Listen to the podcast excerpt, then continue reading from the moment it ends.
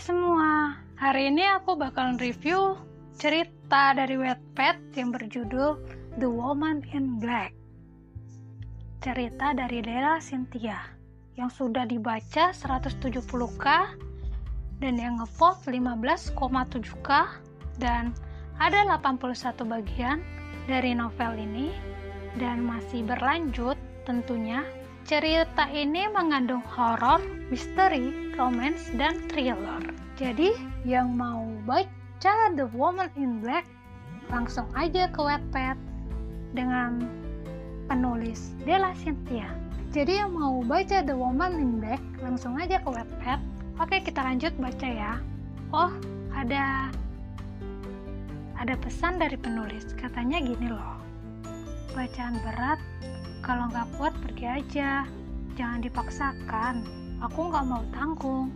Salam hangat dariku, Dela Cynthia. Oke. Okay.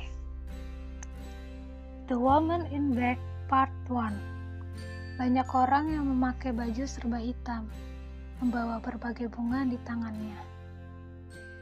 Kulihat ayahku menahan sedihnya walau tak bisa dipungkiri kalau aku melihat air matanya jatuh. Di dalam rumah begitu ramai. Pengap, bau, aroma dari berbagai bunga yang menjadi satu dalam ruangan tersebut. Kulihat beberapa orang menangis. Tidak denganku. Seharusnya aku pun menangis melihat mamaku, Rebecca. Telah pergi dari dunia ini. Dia sakit, entah sakit apa. Dan di sinilah aku menatap mereka dari kejauhan di sebuah tempat yang tidak terlalu jauh dari rumahku, menyendiri, melihat daun yang jatuh satu persatu, atau suara larian tupai ke atas pohon. Mungkin benar kata orang-orang, aku orang yang aneh. Bahkan wajahku saja tidak mirip papa dan mamaku. Seharusnya wajahku mirip dengan kakakku, Putri, karena kami kembar, tapi tidak. Kata dokter, ini kejadian langka, yang hanya beberapa orang yang mengalami. Tapi aku tak peduli. Penjelasannya tidak cukup membuatku yakin. Samara! Kutelehkan kepalaku menatap Albi yang kini menghampiriku. Aku hanya diam, bisa kulihat wajahnya sudah memerah. Ah, dia memang seperti itu jika sudah kesal atau marah. Apa? Tanyaku. Dasar bodoh. Hampir satu jam aku mencarimu seperti orang gila karena takut dimarahi ibuku. Ternyata kamu ada di sini, ucapnya. Ada apa, Albi? Tanyaku. Ibuku mencarimu. Dia ingin bertanya, apa kamu ikut ke pemakaman ibumu? Ucapnya. Bilang ke Tante Jen, aku tidak bisa ucapku. Aku turut berduka atas kematian ibumu.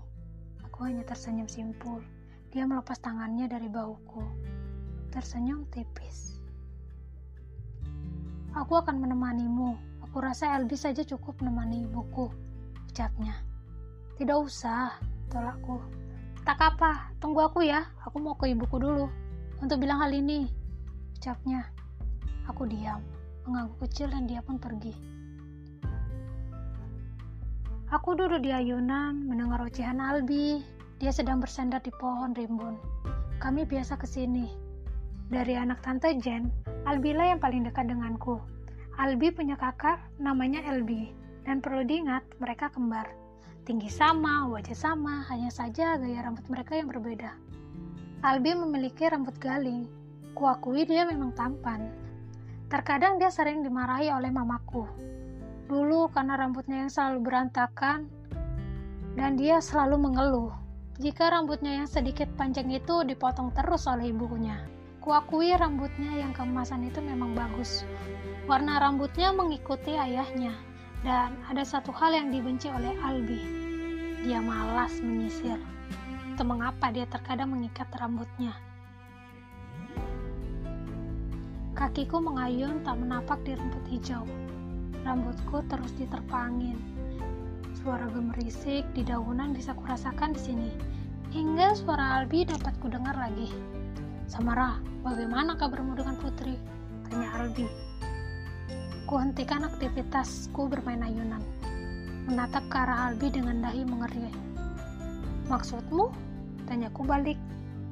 Dia mendesah pasrah sembari membenarkan duduknya menjadi tegak. Maksudku, bagaimana kabar hubunganmu dengan Putri? Sudah dua tahun kalian tidak berbicara layaknya saudara. Tanya Albi. Mataku mengedip. Tatapan mataku fokus ke bawah. Lalu melanjutkan aktivitas bermainku dengan ayunan. Entahlah, dia masih tidak ingin berbicara denganku. Jawabku. Aku bingung dengan Putri. Bukannya dia sangat. Aku malas mengatakannya, tapi terpaksa sayang padamu. Tapi kenapa dia tiba-tiba seperti itu? Selalu menghindar jika dekat denganmu Sangat aneh, ucap Albi. Aku tidak tahu, Albi.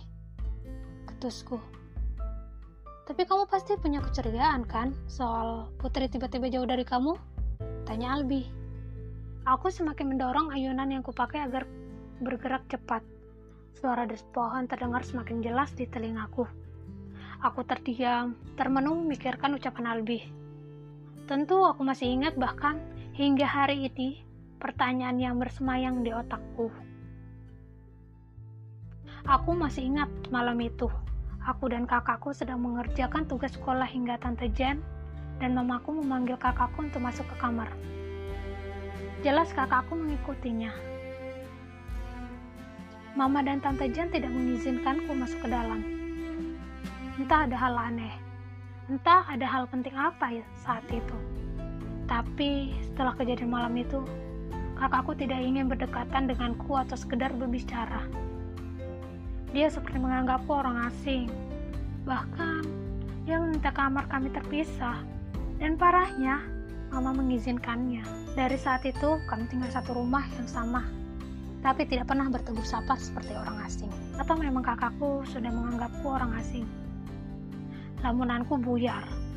Seketika mendengar suara Albi memanggilku beberapa kali. Albi, Berhentilah menyebut namaku. Aku tidak tuli. Keluhku. Jika kamu tidak tuli, dari tadi aku panggil kamu, kamu sudah menatapku. Keluh Albi. Sekarang kan aku sudah menatapmu, gerutuku. Tapi kamu belum menjawab pertanyaanku sama Rah. Keluhnya. Tidak ada, ucapanku. Tidak ada, tanyanya. Ya, aku tidak tahu dan tidak ingin tahu apa penyebab kakakku menjauh. Dustaku. Dasar bodoh. Harusnya kamu cari tahu. Ucap Albi.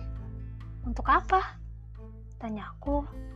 Untuk memberitahuku, karena aku begitu penasaran kenapa Putri tiba-tiba menjauh dari kamu. Jawabnya membuatku tercengang.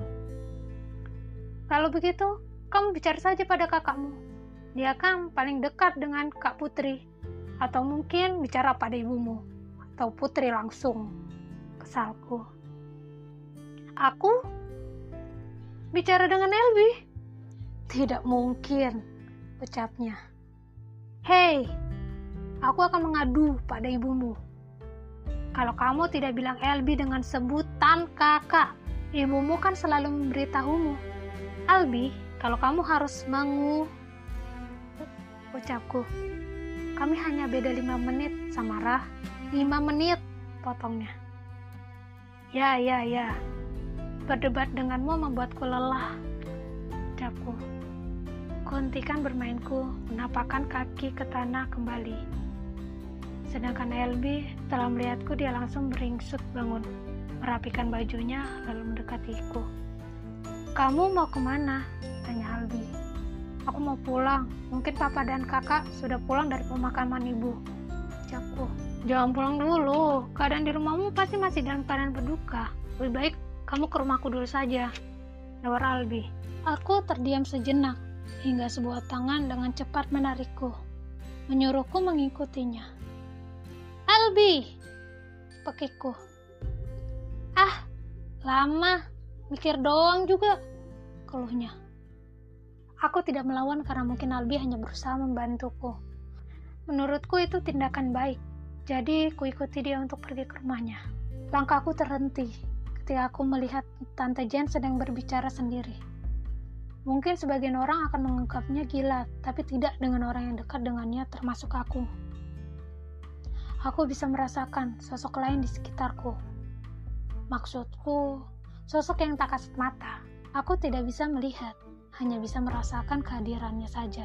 Dan untungnya begitu karena aku tidak bisa sekuat Tante Jen yang setiap harinya selalu dikelilingi makhluk semacam itu. Apalagi jika sosok tak kasat mata itu meminjam tubuh Tante Jen hanya untuk berbicara atau berteriak tidak karuan. Sebuah tepukan mendarat di bahuku. Siapa lagi kalau bukan Albi yang menjengkelkan sekaligus menyebalkan. Ayo masuk, ucapannya yang ku jawab dengan anggukan kepala. Kami berjalan sedikit menuju rumahnya, menaiki tangga kayu. Derit kayu telah berumur tua terdengar setelah kuinjakan kaki pada anak tangga kedua. Dan aku bisa merasakan kehadiran sosok yang tengah berbicara dengan Tante Jan. Kami mendekati Tante Jan. Albi, Albi mengarahkan pandangan ke arahku seraya berkata, Kamu sudah tahu kan tingkah ibuku? Aku hanya mengangguk. Kata mama, Tante Jan begitu istimewa, dia bisa melihat, mendengar, dan berinteraksi dengan sosok tak kasat mata. Dan aku percaya hal itu. Ibu! Albi memanggil ibunya dengan setengah berteriak membuat ibunya menatapnya. Ada apa, Albi? Tante Jan lalu menatapku. marah? Aku tersenyum tipis. Begitupun dengannya. Ibu, ibu, Samara bolehkah di rumah ini sebentar? Aku ingin dia. Tante Jan mendekatiku, mengusap pipiku, lalu turun ke daguku, sembari tersenyum. Dia boleh berlama-lama di sini, Albi. Lagi pula ini juga rumahnya. Albi hanya menatapku dengan lembut. Ayo Samara, ajak Albi. Dan aku hanya mengangguk. Albi lebih dulu masuk ke dalam rumah tidak denganku yang berdiam sejenak hanya berbicara dengan Tante Jen. Aku menatap sisi Tante Jen yang kosong. Tante Jen masih menatap. Bibirnya kembali terbuka. Kamu sangat mirip dengannya. Daiku mengernyit seketika. Dirinya. Siapa yang dimaksud Tante Jen? Kuputuskan diriku bertanya kepadanya. Maksud Tante apa? Tanyaku. Matanya mengerjap beberapa kali, lalu berkata, Tidak apa-apa, Samara. Aku hanya bisa terdiam sejenak, lalu berkata, Tante, boleh aku bertanya? Tanyaku. Silahkan, jawabnya. Tadi tante bicara dengan siapa? Tanyaku. Tante Jen pun menatap ke sisinya sekilas, tersenyum tipis. Dengan sahabat, ucapnya. Sahabat yang kini telah pergi. Tambahnya membuat sekujur tubuhku merinding seketika setelah mendengar Tante Jen bicara itu dengan tatapan serius. Nah, itu dia cerita part 1 dari The Woman in Black. Jadi ditunggu ya. Jangan lupa terus dengar The Woman in Black dari Della Cynthia. De untuk mencari ceritanya ke webpad aja langsung dan cari untuk tahu cerita The Woman in Black dari Della Cynthia. Lebih tertarik lagi untuk membacanya langsung? Langsung aja ke Wattpad dan cari The Woman in Black dari Della Cynthia. Oke, dah. Jangan bosan-bosan denger ya.